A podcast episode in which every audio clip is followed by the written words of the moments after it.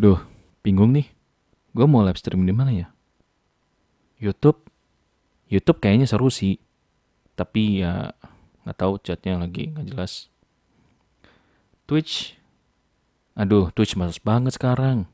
Duh, live streamnya udah gitu untuk beats dan segala macemnya. Apalagi sekarang kalau share-nya 50-50. Aduh, males banget. Udah gitu banyak toksiknya lagi. Bigo. Ya sayang banget Bigo di Cina. Um, oh, nih kayaknya gue bisa live stream di sini nih. Oh, ini tuh yang namanya B Station. Wah, kayaknya boleh sih ini. Gue harus lihat dulu deh. Eh, bentar. Ini kan udah harusnya menolak penikmat layar kaca. Kenapa gue malah cari-cari? Udah deh, kita mulai dulu ya untuk menolak penikmat layar kaca khusus ngebahas B Station.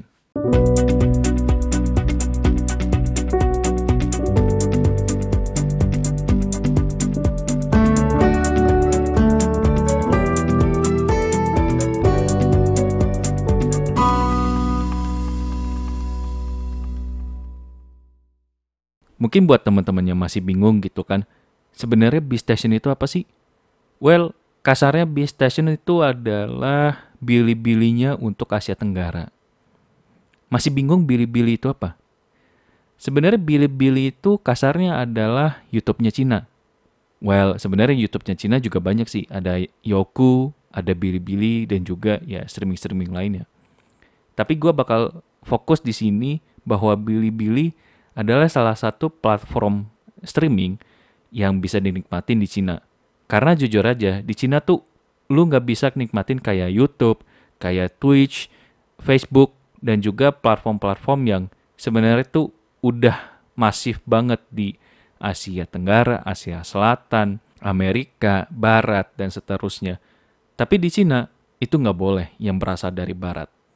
Makanya akhirnya mereka buat streaming yang tadi gue bilang kayak Bilibili, Yoku, terus ada namanya Pico juga, dan banyak banget sih macam-macam untuk media streaming mereka. Di sini gue melihat Bilibili adalah atau B Station lebih tepatnya salah satu platform yang cukup unik. Kenapa? Karena dia mulai bukan dari sebuah rekaman video yang biasanya kalau di YouTube itu kan pertama kali kan dari rekaman video seseorang gitu kan. Dan habis itu nanti ya bisa lo kasih komen atau bisa lo kasih like ini malah dimulainya dari promosi anime secara gratis. Which is, wow, ini kan udah sesuatu yang kayaknya ini too good to be true gitu loh. Tapi B-Station menyanggupi hal itu dan mereka juga belajar dari pengalaman bahwa banyak loh orang-orang yang cinta dengan animasi itu pengennya gratis. Dan mereka mengiyakan itu. Apakah mereka bakal rugi? Sebenarnya nggak juga.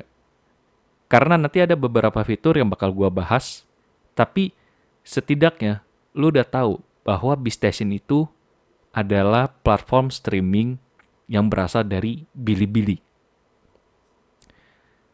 So, apa sih sebenarnya keunggulan dari Bilibili itu sendiri? Kalau kalian lihat, sebenarnya Bilibili itu ngasih banyak banget konten-konten yang menurut gue nih udah breakthrough banget.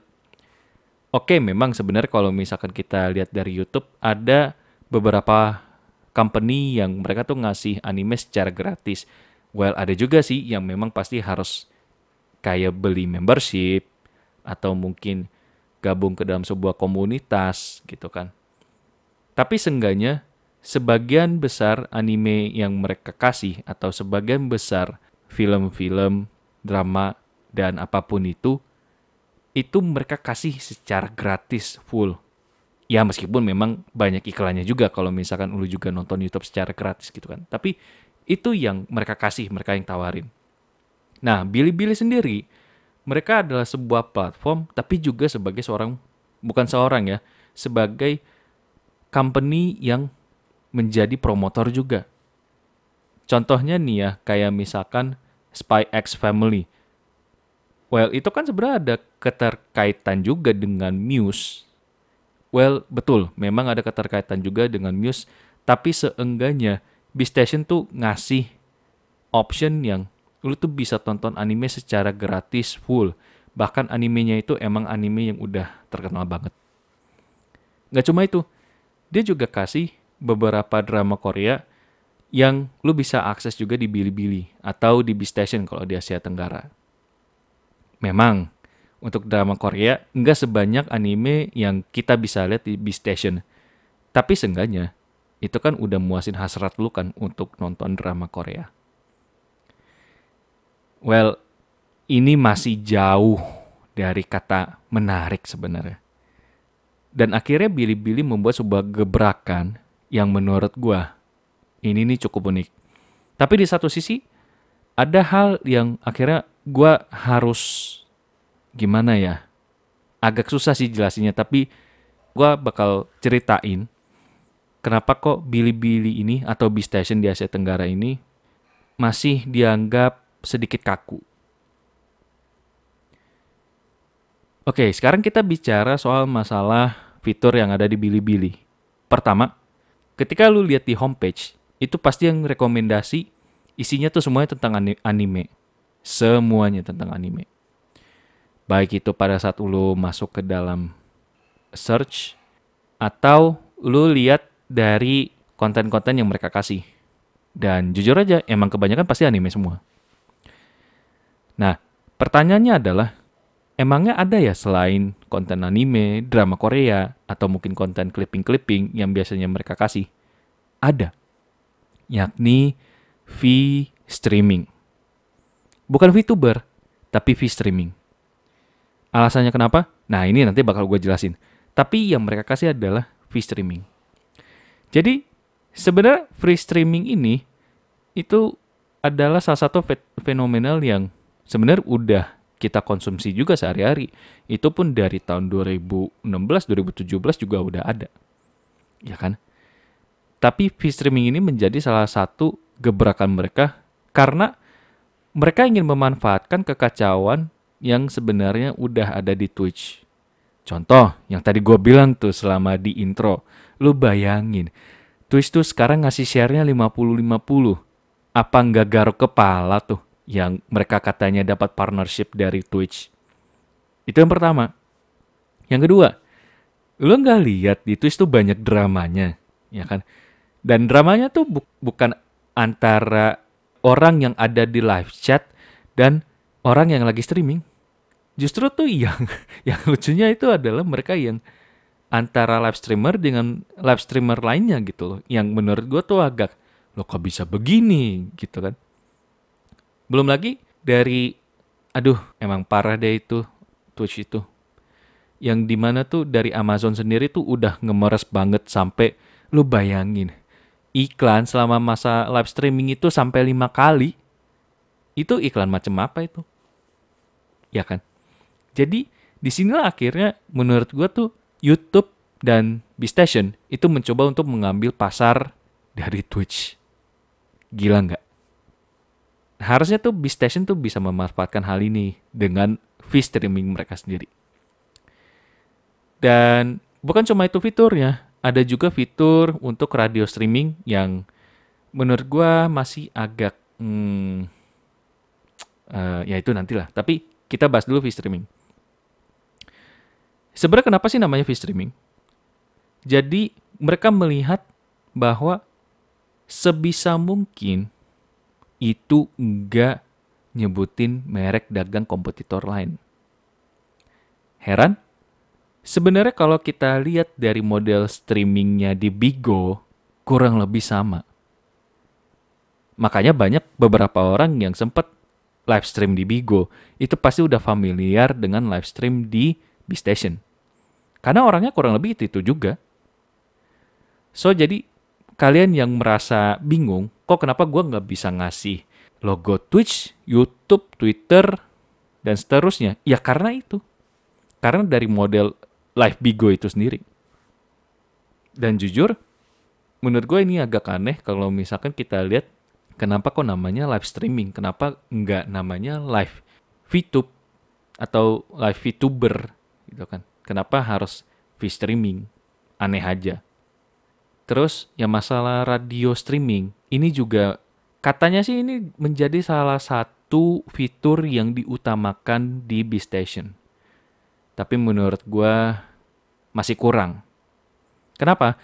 Karena mereka masih sangat kaku banget, kurang luwes dan uh, menurut gue sih mereka tuh terlalu apa ya terlalu ya terlalu apa ya lebih memusatkan kepada trademark mereka sendiri. Dan satu hal lagi adalah pasar mereka tuh sebenarnya bukan pasar komunitas yang emang udah kebentuk lama, yang memang rata-rata orangnya itu 20 tahun ke atas. Tapi yang mereka sasar itu juga anak-anak yang umurnya tuh 18 tahun ke bawah. Gila nggak? Jadi ini memang salah satu teknik yang cukup unik ya untuk B Station sendiri. Tapi di sisi lain, sebagai orang-orang yang istilahnya berkecimpung cuma di suara, ini juga mengalami kerugian. Kenapa? Karena pada dasarnya, kalau untuk radio streaming, itu nggak perlu yang pakai namanya muka, avatar, ataupun karakter yang biasanya bisa digerakin. Itu tuh udah susah banget sebenarnya. Karena ada juga yang mereka tuh merasa terganggu dengan privasi mereka sendiri, dan ada juga yang mereka ya pada saat di live chat mereka nggak bisa ngomong atau nggak bisa ngebales dengan lancar. Apalagi dengan peraturan yang di mana V-streamer atau radio streamer itu nggak boleh mangkrak atau nggak boleh minggat lebih dari 10 menit. Itu tuh udah langsung ditutup streamnya. Jadi live stream kalian tuh bakal ketutup sendiri cuma gara-gara lu tuh entah ku WC atau ada urusan apa atau bagaimana lebih dari 10 menit. Jadi itu hal yang ya mungkin bagi kalian itu susah dimasuk akal. Cuma ya seperti itu karena mungkin bagi orang yang udah terbiasa di Bigo bakal terbiasa juga di B Station. Udah gampang beradaptasi di sana. Dan jujur aja, tampilan dari fee streaming mereka atau ya fee to Bing mereka itu masih kurang proporsional. Kenapa? Karena kalau misalkan kita lihat di YouTube, jadi batas bawahnya kasarnya tuh kan ada tuh yang bagian apa jidat atas sama dagu bawahnya gitu kan. Jadi dagu bawah si layarnya itu dengan dagu bawah yang live chatnya itu masih sama. Sedangkan live chat yang ada di V-Streaming itu malah sedikit ke bawah dibandingin layarnya atau untuk displaynya. Ya terserah sih mau ngomong apa. Tapi seenggaknya ketika lu mau lihat karakter, lu tuh harus scroll dulu untuk mau reply. Itu kan menurut gua menyusahkan ya. Kenapa nggak dibuat sama aja gitu loh lebarnya, ya kan panjangnya, tingginya. Ini yang menurut gue sih sangat-sangat aneh kalau misalkan kita nonton live stream atau nonton uh, VTuber gitu kan. Tapi kita harus scroll dulu untuk reply atau untuk apa masuk ke dalam kolom chat. Itu kan aneh. Tapi apakah ini menjadi akhir dari perjuangan B Station? Sebenarnya gue bakal bilang ya, ini kan baru awal banget dan mereka tuh baru ada di Indonesia khususnya ya, itu sekitaran satu tahunan So, gimana sih sebenarnya B-Station untuk biar bisa beradaptasi dengan pasar di Indonesia? Pertama, gue sangat berharap adanya fitur edge restriction. Betul, memang kalau fitur itu ya jadinya PR banget. Karena kita sebenarnya harusnya bisa dapat apa ya penonton yang tadi gue bilang 18 tahun ke bawah. Jadinya ya 18 tahun ke atas semua atau bahkan 21 tahun ke atas semua. Ini yang menurut gue tuh sangat-sangat susah untuk mendapatkan massive viewers. Tapi itu yang kita pengen sebenarnya. Karena enggak semua konten yang kita kasih itu semuanya aman untuk anak-anak.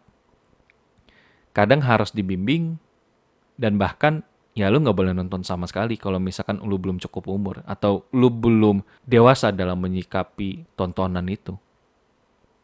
Yang kedua, kita pengen sebenarnya sih ya, kalau misalkan nggak bisa pakai nama, minimal sebenarnya bisa juga sih pakai kata apa ya, kayak inisial gitu kan. YouTube jadi YT, Twitter jadi TW. Tapi gue lebih milih mendingan pakai logo. Yang di mana logo itu ya nggak usah berwarna deh, tapi seenggaknya ketika gue udah pasang logo sosial media itu orang udah tahu, oh ini TikTok, oh ini YouTube, oh ini Instagram. Jadi orang udah bisa langsung klik link yang udah kita kasih. Ini yang yang menurut gue sebenarnya tuh Station coba untuk melihat perkembangan pasar itu sendiri. Karena gue yakin orang tuh pasti bakalan ke platform yang lain gitu loh. Nggak cuma satu platform. Karena ya balik lagi, mereka pengen ngambil keuntungan yang banyak banget. So, gimana menurut kalian tentang Station ini?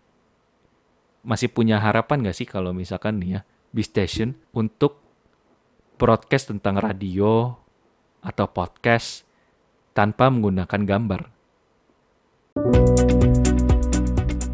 Terima kasih telah mendengarkan monolog penikmat layar kaca. Jangan lupa selalu mengikuti Noise, Spotify, Pogo, dan Apple Podcast kami. Dan sampai jumpa di lain kesempatan.